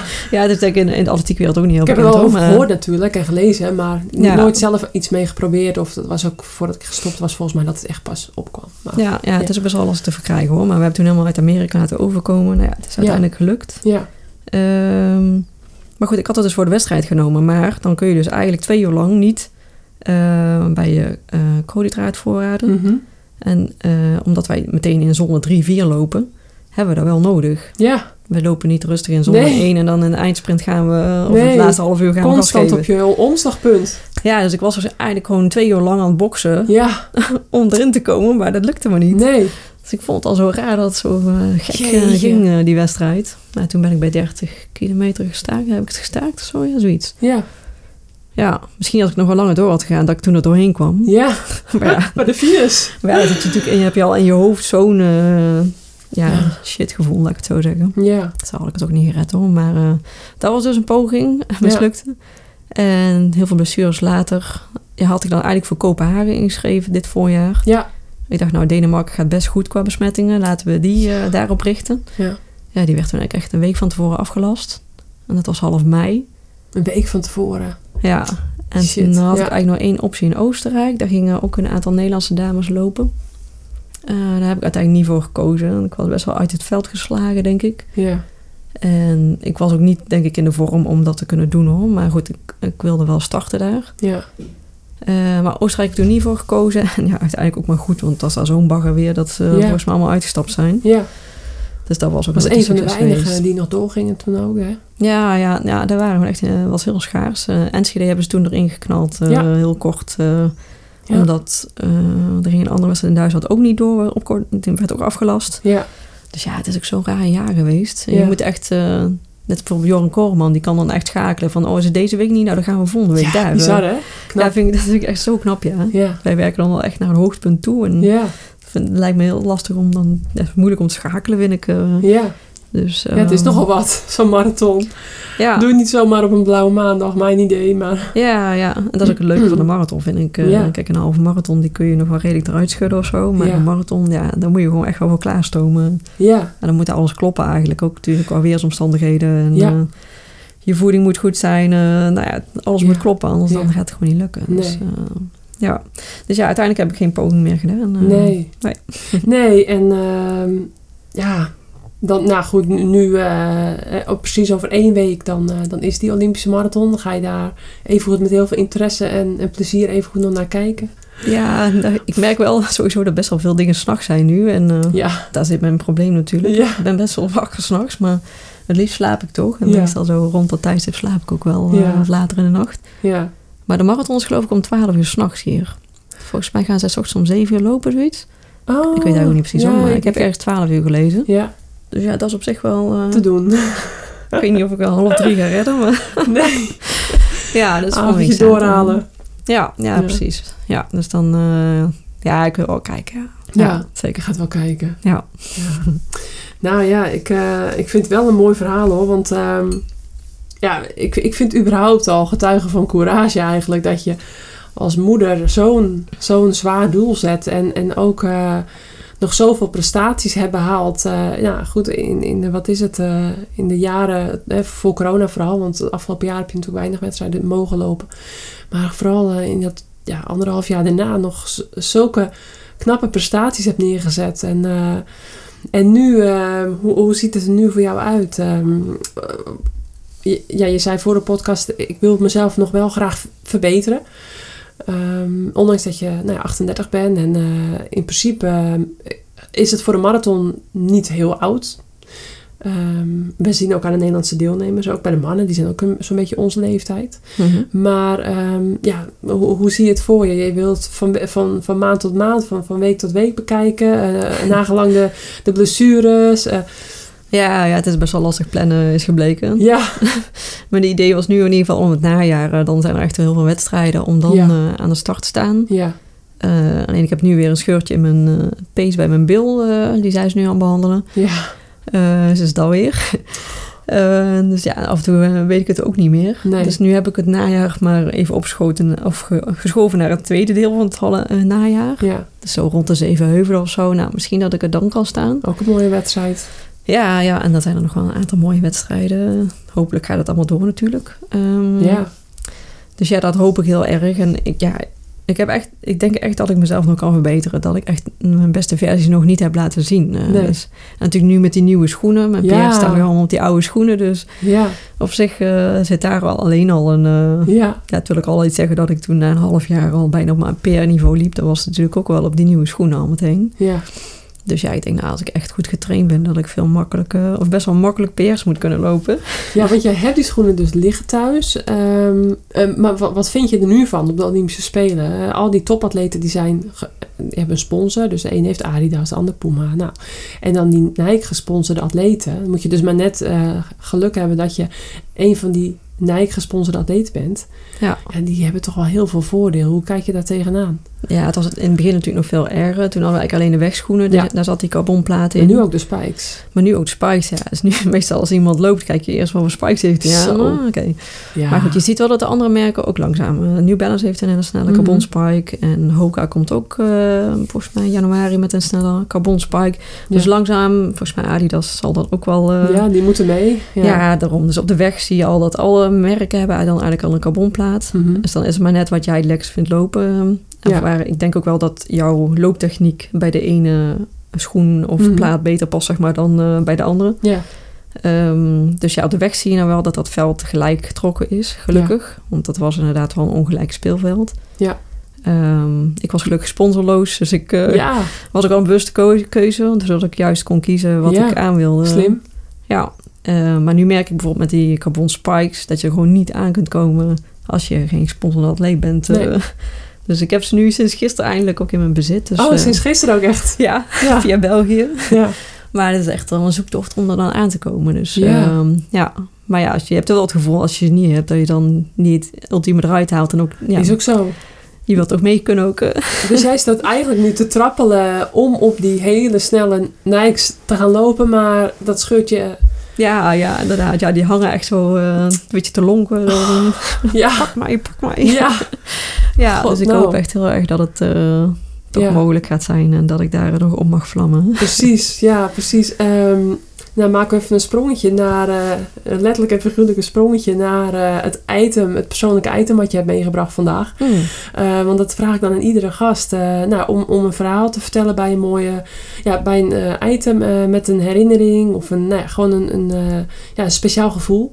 Mhm. Ehm, nou, vertel maar. Ik, ik zie hier twee. eh eh, groene- Afgetrapte schoenen liggen. Nou, afgetrapt valt wel mee eigenlijk. Ja, Ehm, het zijn wel een beetje vies, maar... ja, nee, dat hoort erbij. Nee, dit zijn mijn Eh, schoenen van eh, de Berlijn Marathon. Ja, Dus ze zijn mijn New Balance, eh, groene New Balance. Ja, eh, 1400. Daar liep ik mijn Ja. marathons toen op. Ja, wat een Dus- licht schoentje. hè? Ja, hè? Ja, ja volgens mij zijn ze nog licht. lichter hoor. Dus, zo, dat je hier een marathon op kan lopen op zo'n licht schoentje. ja, Geeft lachen. een belasting, denk ik. Ja, best wel. Maar deze geeft nog wel wat comfort, vind ik. Mm. Ehm, Dus ja, dat is voor mij wel een belangrijke schoen. Ja, En Ja, iedere, keer, dus, eh, ja. iedere keer wil ik mijn schoenenkast opruimen. denk ik, nou, er kunnen wel een paar weg. En dan heb ik Ja. deze man, denk nee. nee. Totdat ik nog geen PR heb gelopen op de marathon, blijven ze nog. Zo, ja, Dan pas gooi ik ze weg. ja. Dus, eh, maar verder heb ik geen dingen die ik altijd aan heb of zo. Of, eh, ik heb natuurlijk wel bepaalde structuren in de voorbereiding naar een wedstrijd. Ja. Maar het is niet dat ik nou per se dat armbandje aan heb. Of, eh, Nee. nee. Je hebt geen eh, kettingen om die lopen te klingen. Dat, dat, sorry, maar even tussendoor. Dat snap ik dus echt niet. Wij als wielrenners gaan de windtunnel in. We, we doen testen op de baan. We, we hebben, nou ja, met BioRacer in Nederland hebben we een, een kledingsponsor voor de nationale wegselecties. die, ja, die gaan echt alle ribbeltjes die je tegen kan komen, hè, dat, dat wordt glad gestreken. En de nummers gaan niet meer met veiligheidsspelden zoals in mijn tijd, maar die gaan in een zakje. En dan kijk ik naar een, want leg mij het maar eens uit. Dan kijk ik naar een sport als atletiek. En sowieso 42,1 kilometer marathon bijvoorbeeld. Dan, dan zie ik eh, vrouwen eh, lopen met een, met een staart die van links naar rechts eh, bungelt. En misschien is het prettig voor het ritme of zo, ik weet niet. Of ik zie ehm, op de baan sprinten. Dat komt op de honderdste aan. En dan bungelen de, de kettingen van, terugnummers. van hier tot Tokio. ja. Nou, ik snap het niet. Ja. Eh, hoe, hoe- hoe- wat is dat? Want als ik wel eens, hè, ik, ik, ik ging wel eens trailrun, toen ik gestopt was met wielrennen, ging ik trailruns doen in, op de Veluwe. Fantastisch leuk om te doen. Mhm. En dan gewoon hè, met een regionaal wedstrijdje, 100 vrouwen. Nou, dat haalde ik echt plezier uit, was voor mij een beetje aftrainen. En eh, nou, dan kon je bijvoorbeeld een, eh, een, ehm, een, thee- een waterkoker winnen of zo. En nou, dat waren gewoon wel Leuk, le- leuke dingen om te doen. Of een leuke weekendbesteding. ja. ja. Ehm, maar dan wilde ik gewoon mijn haren strak in een knotje. En ik wilde ook geen, eh, ja, ge- geen irriterende kleding aan. Ik wilde gewoon, net als met wielrennen, gewoon zo snel mogelijk voor mijn gevoel. ja, ja, ja. Maar, maar ja, de topatleten, allemaal stuk voor stuk. De, er zijn zelfs sprint, sprinters die hebben volgens mij een, een pruik van, van 5 kilo op hun hoofd. ja, ja, ja. Nou, Ik ben heel benieuwd hoe jij er tegenaan kijkt. Ja, bij sprinten komt natuurlijk wel wat meer aan eh, op de details, denk ik. Ja, op de, op de duizendste van secondes. Ja, precies. Dan, dan Dus en je met moet, de tijden. met lopen moet je net als met wielrennen door de lucht verplaatsen. Ja, en Dus- inderdaad, als ik ook zie, en soms heb je van die losse singletjes of zo, en Ja. dat wappert dan ook lekker. Of die nummers die dan net niet goed vastzitten. Ja, ja. Maar dat snap ik ook niet hoor. Ik zou uh, omdat dat op allemaal perfect inderdaad aerodynamisch is. Ja. eh, om zo snel mogelijk eh, bij die eind mee te zijn. ja. Zijn er geen testen mee gedaan? Nee, ik denk niet dat dat... Van jongens, we gaan nu in de maar- training, gaan we nu, hè, want ze doen, ze trainen ook meerdere keren op een dag. Want met hè, sommige onderdelen moet je bijvoorbeeld twee keer op een dag. Of, Mhm. hè, bij, eh, ehm, of je moet in ieder geval eh, eh, een, een dag later weer. En dan, maar goed, dus je kan ook in trainingen, kun je het, maken ze het elkaar zwaar. En Mhm. dan, dan kun je toch ook trainen. Joh, we gaan nu even de tijd opnemen. Hè. We kijken ook hoe, hoe, hoe, hoe de wind is. Hè. Dat is natuurlijk wel belangrijk om op dat moment te weten hoe, Ja. hoe de windsnelheid was. wat ze natuurlijk ook in de wedstrijden tonen. En dan eh, gewoon eens kijken hoeveel verschil het is. En als Ja. het al een paar honderdste verschil geeft op een, op een 100 meter, dan zou ik zeggen, eh, ik doe die ketting af. Maar Ja, ik weet het ook zo makkelijk meetbaar is hoor. Lijkt me niet eerlijk nee, gezegd hoor. nou, dan zou ik gewoon gaan voor, eh, voor, voor, voor de optie eh, baat het niet, schaadt het niet. Ja, en precies, ja. we gaan gewoon voor de meest logische manier. Ja, ja. ja, ik denk niet dat er echt... nee, We zijn wel. veel meer met techniek, techniek bezig en Ja, zo hard mogelijk kunnen lopen. ja, Ja, maar bij de marathon zie je inderdaad ook dat ja, het ziet er allemaal niet heel aerodynamisch uit. Allemaal nu vlodder, vlodderbroekjes en Ja. eh, lange vlechten of zo. En, eh, ja, nou ja, 2,5 nee. uur. Ik bedoel, eh, ja, Ja, als het maar niet irriteert eh, inderdaad. Dan Of is dat het je goed. loopt of... eh, mij zou het irriteren, denk ik. Als ik dus Hm. zo'n ketting had, eh beng- bungelen aan mijn nek. eh, ja, die, ik heb eh, ook nooit hoor. steeds, nee, Maar dat is misschien ook voor bijgeloof. Hè? Dat zo'n sprinter met zo'n ketting, dat is misschien Ja. wel belangrijk voor hem of zo. Ja. ja, Dat hij dan als bijgeloof zo'n ding Mhm. altijd aan heeft. Ja, Ja. dat kan natuurlijk wel. ja, dat kan. Ja, ik, ik, ik verbaas me er ook deze Olympische Spelen gewoon weer over. Ja. Maar ja, ja, ja, fietsen is daar misschien ook wel verder in. Ook zo eh, met het esthetische, zeg maar. Hardlopen zie je ook nog vaak dat iemand in zo'n ja. Lelijk kloffie eh het bos in gaat. Want je kunt er gewoon Ja. met alles doen eigenlijk. Hè. Ja. Maar fietsen, dan, mensen willen er toch wel mooier uitzien of zo. Ja. Moet allemaal kloppen. je toch vaak dat mensen beter gesoigneerd eh, op pad gaan.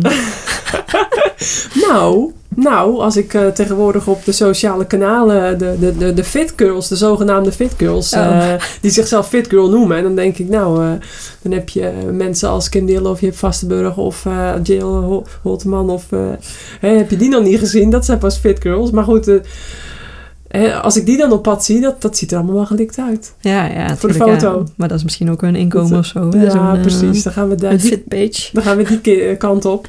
Ja. Ehm, maar goed, ja, dus eh, nee, ja, ja, jouw New Balance schoenen, mooie item. En ehm, ja, wat was het PR ook alweer? 2 uur 33. 2 En, uur eh, 33. seconden. Ja.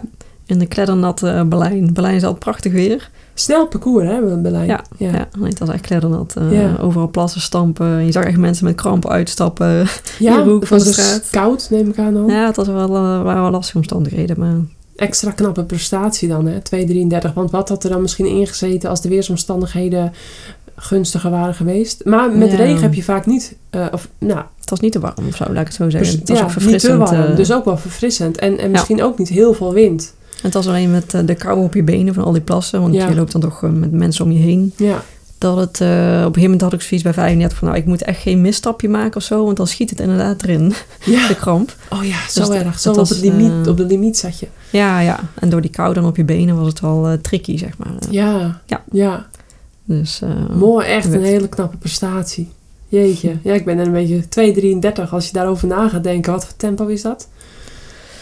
Eh, Vier- drie, drie, drie? Ja, 3,35, 3,37 per kilometer of zo, zoiets. 3,37 denk ik. Zo. Ja. 3,37. Ja, als je Ja. traint, dan denk je ook soms van, nou, dat kan het helemaal niet. Ja. Maar, eh, uiteindelijk, eh, 42 kilometer. in een wedstrijd kun je veel meer, dus eh, Ja. dat is wel mooi. Ja, Goh. Ja, nou luisteraars, als jullie hardlopen, dan, eh, dan Ja, snappen ze hoe hard het is. Ehm, althans, ja, goed. Ik, ik, ik snap in ieder geval, het is bijna niet van hoe hard dat is. En ehm, ja. En, en dan heb je nog 1.12.50 op de halve marathon staan. Waar was dat? Eh, dat was in eh Dronten. Oh, Ja. jeetje. ik heb ook in rond uh, in kaas gefietst en zo. En dat was Ah, echt ja, eh, voor fietsen heel ideaal, vond ik. Eh, Oké. Ook wel et- eh, nog etappes gereden, waaieretappes in de 100 Ladies Tour. En dan was ik super blij als, als ik dat op het etappeschema zag staan. Dat we in het rond gingen, want dat was altijd de kolfje naar mijn hand. Vaak veel wind. Nou, ja, klopt. Dus, ja. dus ik, ik kan me er niet bij voorstellen dat jij je PR in het rond hebt. Want ja, er was al veel in toen. ja, ja maar Ja. toch... eh, Ik had wel een haas bij. Ja, Colin Bakers, dus dat was wel ideaal. Maar toch met één man voor je, dan is het toch nog altijd heel erg zoeken met de wind. eh, ja precies. was toch nog best wel pittig. eh. Ja, Ja, maar ik was wel gewoon super in vorm, dus ja. ja. God, nou, dat, inderdaad. Want mijn man Richard, die heeft dan 1,8 staan. Nou, dat, dat vind ik al onbegrijpelijk hard. Maar dan jij als vrouw...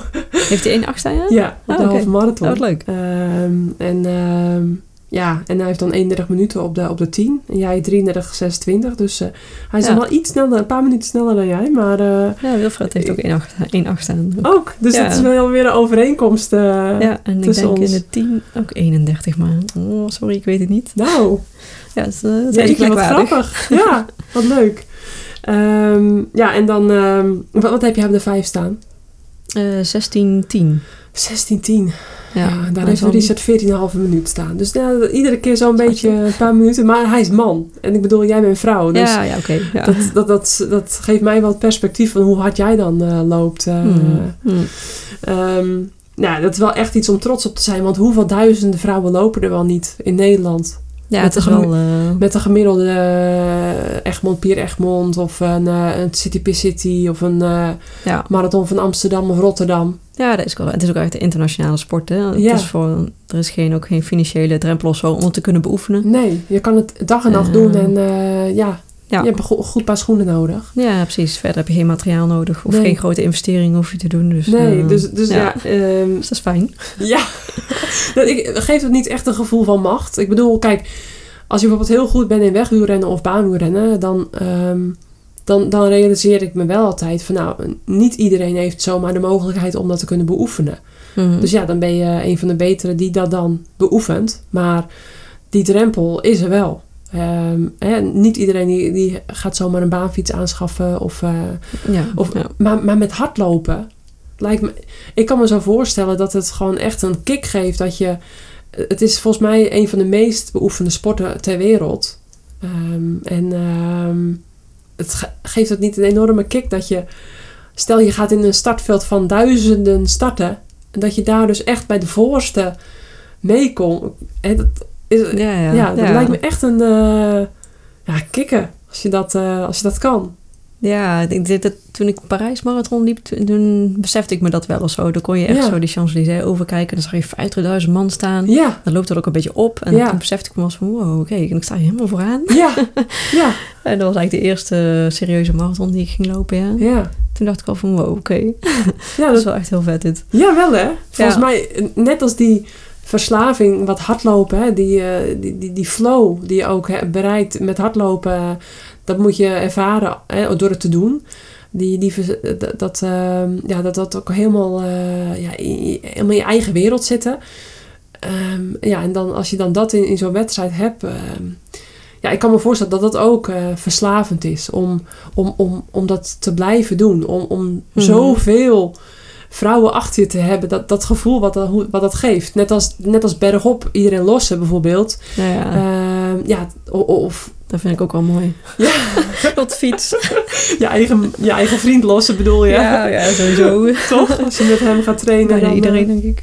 ja, Ja, ja. Nee, maar dat, ik weet niet, ik denk, denk niet dat ik daar zo mee bezig ben ook. eh, omdat ik toch wel echt mijn ja, primaire behoefte met hardlopen is dan toch echt wel om mezelf te ja, verbeteren. ja. En eh, tuurlijk, dat ik niet zozeer bezig ben met eh, ja, hoe ver ik dan vooraan zit. En Mhm. ik zie dan altijd toch nog wie er dan nog voor zit. En Ja, ik zie dan ja, dat het nog veel Daar harder kan eigenlijk. naar, ja. ja. Het is misschien niet goed om daar zo vaak mee bezig te zijn natuurlijk. Maar je, ja, je weet altijd dat het eigenlijk nog beter moet. Of ja, ja, wil je echt mee kunnen op een EK of zo, of Ja. naar een Olympische Spelen kunnen, Mhm. ja, dan moet je nog stappen zetten. En Ja.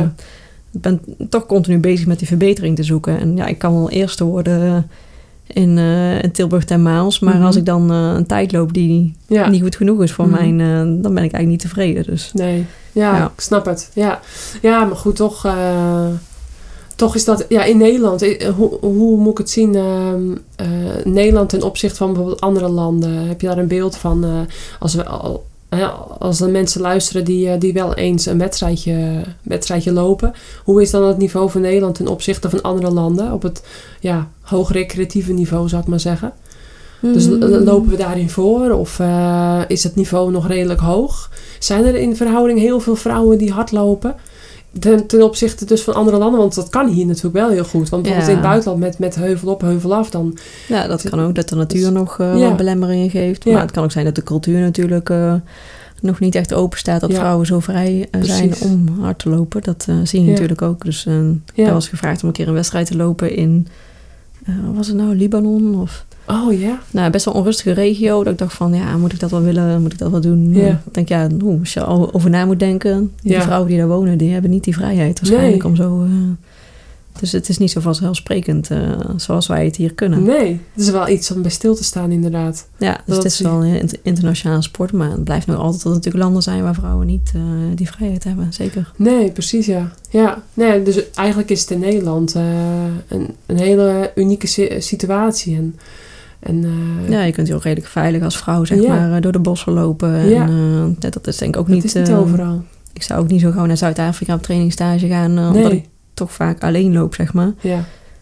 Kijk, als je echt met de bond gaat of zo in een groep, dan is het toch anders. Maar omdat wij toch vaak met de kleine, die gaat dan mee. En dan doe ik veel trainingen alleen. Ja, dat zou ik niet zo gauw durven in Zuid-Afrika of zo. Nee, precies. Ik kies ja. wel echt mijn regio's dan uit waar Ja. ik naartoe ga, waar ik me veilig voel en gewoon Ja. kan trainen zonder dat ik daar in mijn hoofd mee bezig ben. Dat is wel iets om rekening mee te houden, inderdaad. Want Ja.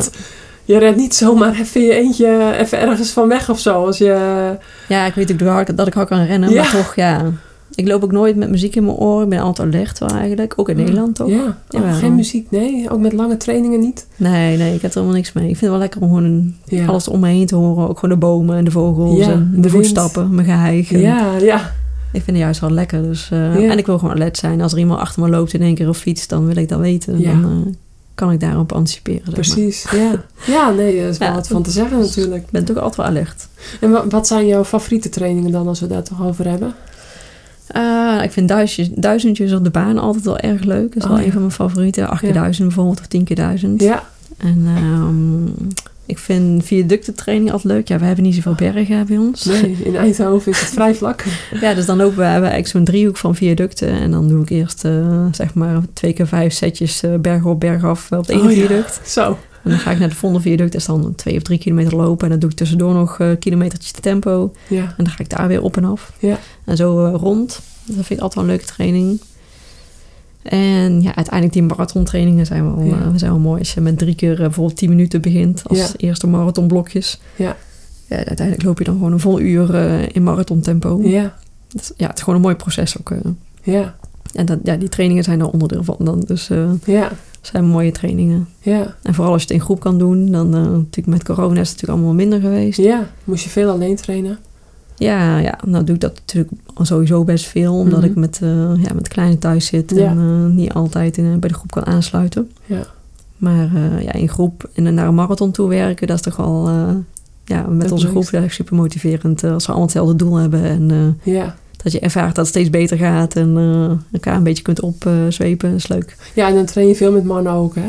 Ja, ja. Want ja, er zijn niet zoveel vrouwen in de omgeving die jouw tempo... eh, of maakt het niet Nee. zoveel uit?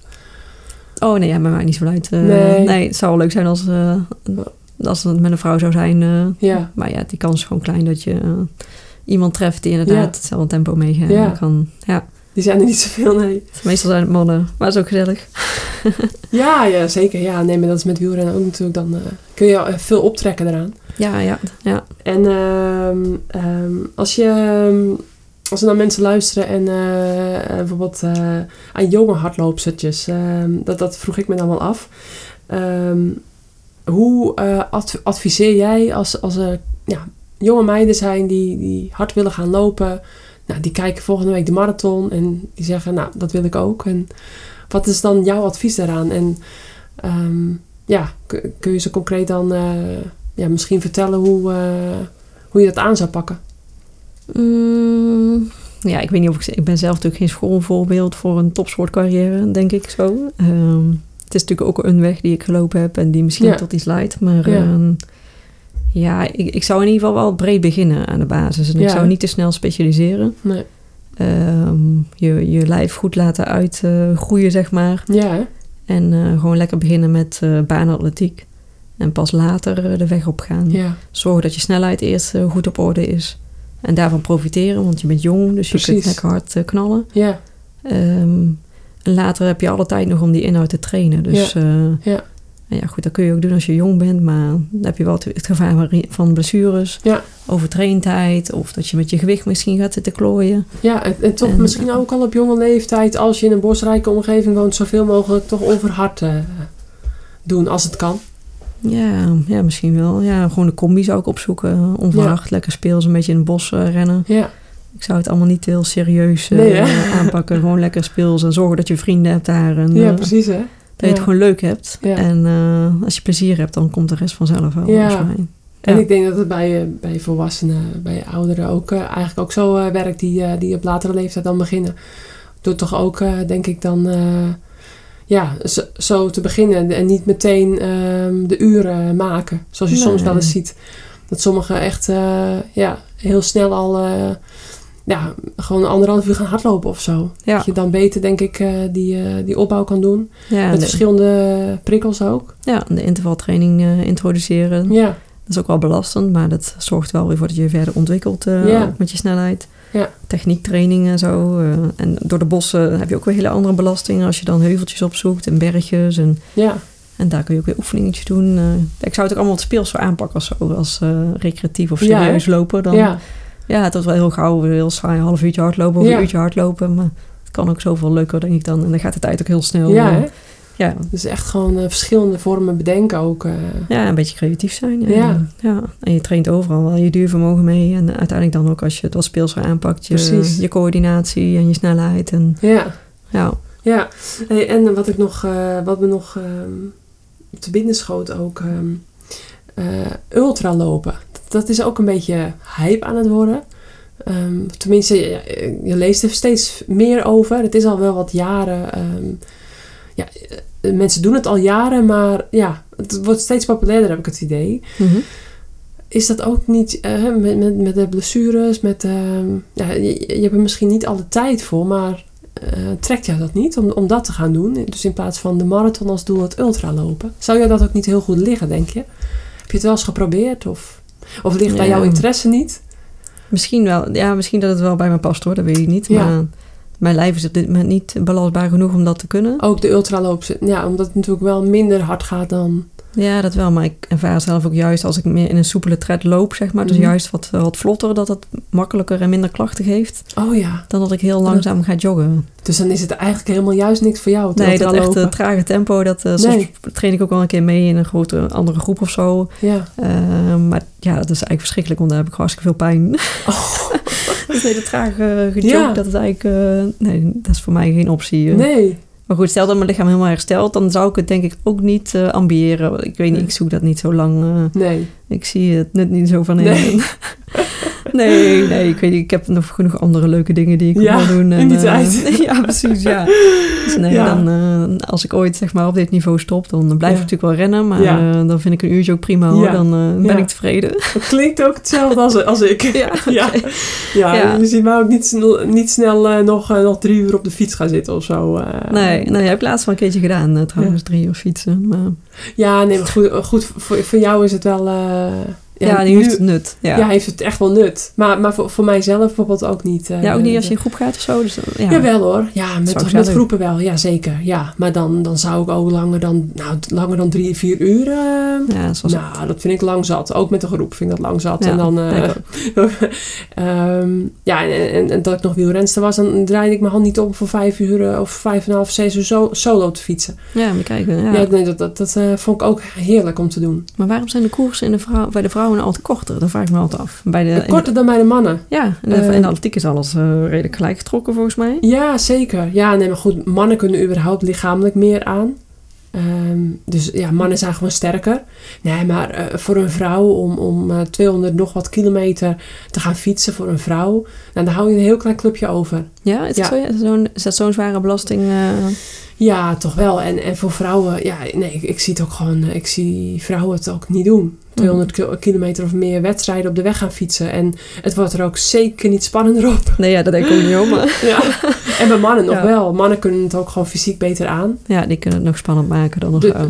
Ja, Hm. dus eh, het is Ja, dat vroeg ik me af. Ik denk, hè, Ja. waarom is dat eigenlijk zo? Ja, en, en bij de mannen zouden ze eigenlijk ook makkelijk wel naar kortere afstanden kunnen hoor. Dus ehm, een, een, een koers van 180 kilometer bij de mannen, die, ja, dan, dan heb je niet het, eh, het geëikte kopgroepje wat vertrekt en wat dan weer terug wordt gepakt. Eh, het is natuurlijk wel zo dat zo'n lange wedstrijd gaat hoe dan ook in de benen zitten. Mhm. Dus het- je moet het wel trainen. Het, het is gerust wel een bepaalde factor, maar Ja. ehm, ja, de, koers aan zich wordt er niet per se aantrekkelijker op. Ja, ja. Ehm, ja, en, en ik vind voor vrouwen eigenlijk de maximale afstand ook ehm, 150 kilometer, Oké. 140. Ja. En eh, zelfs, ik denk gewoon de afstand die wij reden tussen de 100, eh, 120 en 140 kilometer die we altijd koersen, dat ja, vind ik ook eigenlijk prima. En Ja, nu maken ze dus uitstapjes naar 150, soms zelfs wel iets langer. oké, toch wel. Ja. Ehm, jawel, ja. Ja, ik vind het ook ver zat hoor, maar ik Ja. vroeg me af waardoor het verschil eh, zo groot was soms. Ja, en helemaal omdat je bij de vrouwen ook ehm, de onder 23 categorie rensters, ja, die komen dan over van de junioren naar de elite vrouwen. En die hebben maar een paar wedstrijden onder de 23, bijvoorbeeld een EK. Mhm. Maar verder rijden ze alle wedstrijden zo'n beetje met, met de elite vrouwen mee meteen. Oké, Ja, ja. dan moeten ze van de junioren waar je nou, maximaal 80 kilometer rijdt, Ah, moet je al meteen eh, een hele grote stap maken. En, dat, ja. dat wordt ook eigenlijk wel veel te groot als je naar de elite mannen en naar de, naar de prof eh, afstand gaat van, van 200 of meer kilometer. Ja, ja. Dus dat is, ja, ook, daar, daar, daar zijn dan te weinig eh, vrouwen nog voor die dat ook, Ja. eh, hè, er zijn geen opstapjes. Dus bij de man heb je eerst ook nog een beloftecategorie en dan kun je daar normaal gesproken de eerste paar jaren nog eh, ja, kortere afstanden doen in je categorie. Ja, en dan, Hm. dan ga je pas echt uiteindelijk helemaal eh, ja, die, die langere afstanden doen bij de, bij de, bij de prof, zeg maar. En dan, Mhm. ja, dus dat, dat gaat veel geleidelijker. En nu bij de, bij de vrouwen heb je in één keer Hm. die, die grote overstap. Dus Ja, dat is ja. überhaupt dan ook niet, niet goed voor die categorie Ja. om dan te doen. En, ja. Dus, ehm, Hm. maar eh, ja, nee, hartstikke leuk allemaal om te horen hoe je, ja, zo de, de, ja, de weg in je leven hebt gemaakt tot aan eh, alle successen. Ehm, ja, van, van eigenlijk ehm, ja, een vrouw die studeerde, werkte, eh, sporten voor de lol, tot, tot gewoon een Nederlandse topatlete. Mooi om dat verhaal gehoord te hebben. En, en dan ook, nou ja, de hele weg na, de, na de geboorte van Loren. En eh, ja, mooi om te horen. Ehm, heb jij zelf nog, eh, nog bepaalde tips of, ehm, tips of tricks voor ja, die ik nog vergeten ben, of die jij nog vergeten bent, eh, die je nog kan vertellen aan, ja, aan fanatieke, hardlopende vrouwen, of nou, mannen, maar vrouwen die ehm, eh, ook kinderen hebben na de geboorte. Mhm. ook, ook, ook willen opbouwen naar een, ja, naar een leuk hardloopniveau, zeg maar. Die bijvoorbeeld een eh, City per City ten doel hebben gesteld. Of, weet je, Mhm. eh, je ziet toch vaak dat, dat, eh, dat, dat recreatielopers ook wel toewerken naar een doel. Om een halve marathon of Ja, zeker, ja. 10 kilometer lopen. Hoe zou je adviseren hoe, ze dat, hoe ze dat doen na een zwangerschap? Nou, ik denk in het algemeen, in brede zin, zeg maar, denk ik wel dat vrouwen, of wat meer recreatieve lopers, zeg maar, veel meer kunnen dan ze, dan ze denken dat ze kunnen. Ik denk dat er best wel wat vrouwen zijn die op eh, een veel hoger niveau mee kunnen als ze willen. Mhm. Eh, en dan daar een klein beetje in investeren. Ja, Eh, dus net wat meer trainen of net wat anders trainen, wat gedurfder te trainen. Maar ook met beleid natuurlijk, dat je niet Ja. geblesseerd wordt, raakt. Ehm, dus dus toch wel begeleiding zoeken daarin. Ja, ja, als je dat leuk vindt, hè, tenminste. Ja. Dat, eh, dat is natuurlijk wel de, de basis. Ja, maar goed, als je, als je een doel wil bereiken, of het nou op recreatieniveau is, hè, dus als je een bepaalde tijd wil lopen of een bepaalde uitslag, maakt niet uit, of jezelf in ieder geval wil verbeteren, dan hoor ik uit jouw woorden dat je toch wel hè, die variatie, maar toch die, eh, ja, toch bepaalde verschillende dingen inbrengen, dat het toch dan misschien handig is om dat toch onder begeleiding te doen. Ja, je ja, kan zelf wel een beetje, op hardloopgebied, als je zelf aanklungelt, dan kan het al vaak, vaak fout gaan, heb ik het idee. Ja, dat hoeft natuurlijk niet. Ik heb het ook al een paar jaar gedaan. ehm, Moet je zelf wel goed kennen, denk ik. Ja, ja, je moet wel goed voelen. Je lichaam luisteren. lichaam goed voelen, inderdaad. En eh, ja, als je dan in groep lo- loopt, is het toch wat makkelijker, vind Mhm. ik. Dus heb je af en toe die groepstrainingen waaraan je kunt optrekken. Ja.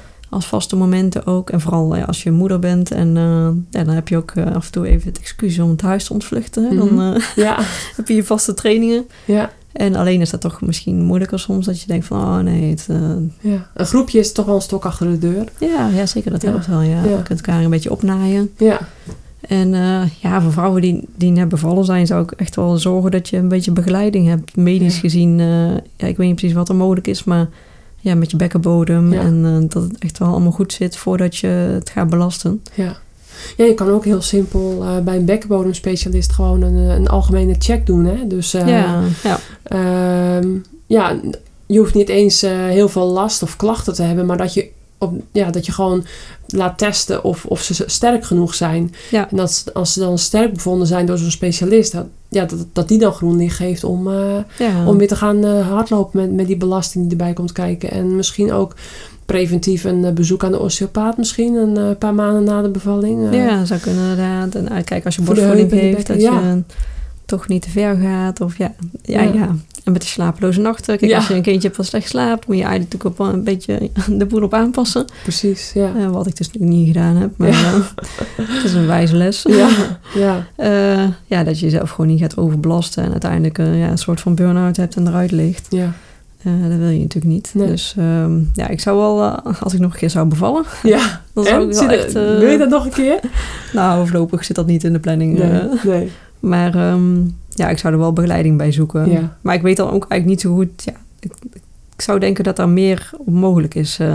Ja, Want toen ik ook een keer een presentatie gaf voor een groep artsen, toen eh, vertelde ik eens een beetje. ik moest vertellen over mijn dromen en, Ja. en ook over het trainen. Ja. Dus ik vertelde ook in medische termen wat voor bevalling ik had gehad, zeg maar, en wat erbij Ja. kwam kijken. Ik dacht, oh, dat is, dat is voor hun gesneden koek natuurlijk. ja. Dus toen zag ik wel die gezichten van die artsen van, nou. Ja. En dan op dit niveau zeg maar lopen. Dat, Ja. ja. ja, je moet ook echt wel specifiek kijken van hoe is het bij jou geweest en eh, hoe kun je dan het beste opbouwen en moet je extra voorzichtig zijn of niet. Iedere bevalling is wel anders. Precies, Dus ja. Ja, er is niet één weg om te bewandelen dan. eh, Nee, ja, nee, daarom. eh, echt van, van jezelf uitgaan. Want wat je zegt, iedere bevalling is anders. En als je, ja, de, als je dus hoort van nou, eh, nou ik ben bevallen en eh, nou, na vier weken ben ik weer gaan hardlopen. Nou, dat gaat al tijden gaat het prima. Dus dat je dan ook niet eh, laat verleiden om hetzelfde te doen. Terwijl in jouw situatie Ja. dan misschien dus eh, ja, toch wel heel anders kan, eh, kan zijn en kan uitpakken op langere Ja. termijn. en het kan ook heel makkelijk Ja. gaan hoor. Ik heb een vriendin die na zeven weken al een half marathon liep. Zo! Ja, dus ja, dat kan dus ook. En het gaat nog steeds goed met die ja, vriendin. ja, gaat hartstikke Geen goed. centje pijn. Dat is echt zo'n ultraloopster in de bergen. En, eh, Oh, maar die, eh, jij zegt dat is een ultraloopster, dus die is al wel heel veel belasting ook wel weer gewend misschien. Ja, dat, Dus dat lichaam heeft al wat klappen te verduren gehad ook. Ja, dat zeker. dat ja. scheelt misschien Ja. wel. Maar dat toch, ja, Het blijft lichaam, knap. Je lichaam is anders na een bevalling, dus ja, Ja. ontzettend knap. Ja, zo.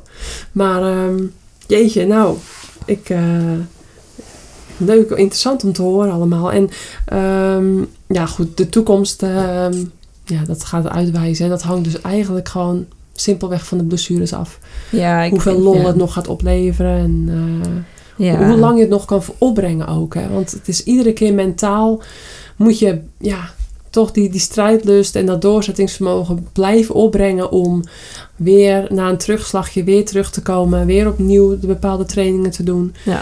Ja, dan merk ik Ehm, wel dat het nu wel echt... eh, Het tol begint te het is nu al zo vaak, zeg maar, dat het tegenvalt. En dan Ja, dat ik het ja, best wel zwaar heb dan ermee. eh, dus Ja. uiteindelijk dan eh, krijg, krijg ik de swing wel toch weer te pakken, zeg maar. En dan ga Ja. ik er weer voor. Maar ja, ik heb nu al voor mezelf besloten van... Oké, we moeten eerst die nacht eh, onder controle krijgen. Dat ik gewoon fatsoenlijke nachtrust heb. precies. Zodra dat niet goed is, ga ik niet optimaal belasten. Nee, Tot die tijd ga ik gewoon lekker een beetje iedere dag trainen. Maar dan allemaal niet, eh, niet te gek. nee. Ja, Eh. dat je toch onderhoudt en dan... eh, Ja. Ja.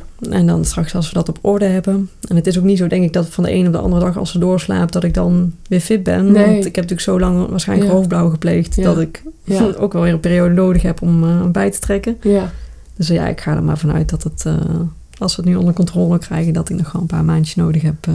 Ja, precies. Ja. En dan blijft Parijs dus nog gewoon wel een beetje eh, in het achterhoofd eh, ja, golven.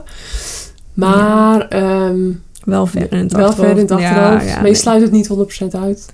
Nee, ik bekijk het per jaar. Ik ben nu 38. Ja. En ehm, mijn grootste doel is dat ik mezelf nog eh, kan verbeteren. En eh, kijk, als ik nu nog een, een topjaar draai Ja, en ik raak daarna weer geblesseerd of zo, dan, ja, dan ben ik echt super tevreden. Dan Ja. eh, heb ik het eindelijk nog kunnen laten zien. ja precies. En ehm, ja. Ja, dat is voor mij belangrijker dan dat ik Parijs haal. ja precies. Dus, eh, ja. ja. En eh, als je dan terugkijkt tot nu toe, waar ben je dan het meest trots op? Op welke...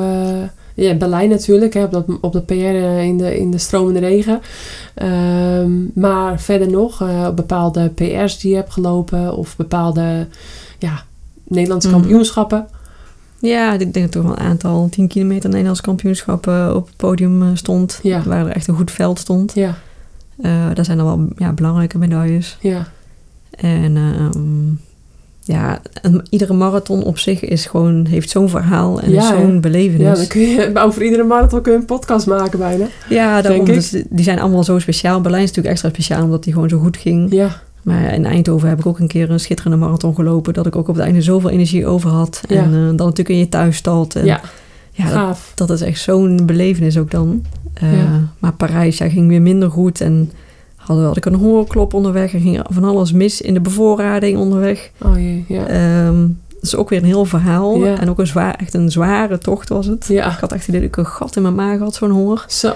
En ehm, dus toen miste ik ook de EK. Dat was EK 2014 eh, Ja. limiet, of de kwalificatie. Ja, Eh, maar ja, ook zo'n mooie marathon, zo heuvelachtig. En langs al die mooie dingen Ja. in Parijs. ja, Ja, dus het heeft ook weer zo'n verhaal op zich. Maar Ja. ja, ook zo'n mooie herinnering. iedere marathon is echt zo'n schitterende herinnering. Dus- ja. Oh, ja, je, je begint nou wel echt heel erg te stralen. En, eh, ja, ja, Echt, het, het zijn ja, gewoon twinkeling in je ogen. Ja, ja, Ja. echt eh, mooi om te zien. Zo'n, eh, Een 10 kilometer is mooi ja. ook, maar is ook een moeilijke afstand. Want je Ja. moet echt van begin af aan, echt moet het gewoon hard. Ja, ja, Ehm, ja. Maar een marathon is toch ja, zo anders. Eh, Ja. Er kan zoveel gebeuren onderweg. En eh, Ja. ook het proces ernaartoe ja. is super mooi qua opbouw. Dus ja. Gaaf, want eh, ja, ook om je enthousiasme zo te zien ook in je ogen. En straks gaan we natuurlijk verder praten over die marathon. Eh, we gaan dan de Olympische marathon voorbeschouwen. Eh, met Nederland eh, ja, was het een unieke, ja, uniek geval met, met, met zoveel kandidaten voor, voor een startbewijs ja, voor Tokio. een sensatie. Dus ehm, gaan we eventjes ehm, even wat drinken. en dan even nog eh, pauze houden. En dan gaan we zo meteen eh, de voorbeschouwing doen. En eh, we zijn alweer een tijdje aan het kletsen. Volgens mij alweer ruim een uur. Dus we hebben wel even tijd om even een slokje te nemen. Ehm, nou, dan komen we zo meteen weer bij jullie terug. ehm, met de, de, voorbeschouwing op de Olympische Marathon volgende week. Dus ehm, nou, bedankt in ieder geval tot nu toe voor het luisteren. Kim, hartstikke bedankt voor je verhalen. En. We horen... eh, nou, we gaan straks, eh, straks verder. Ravitaillering.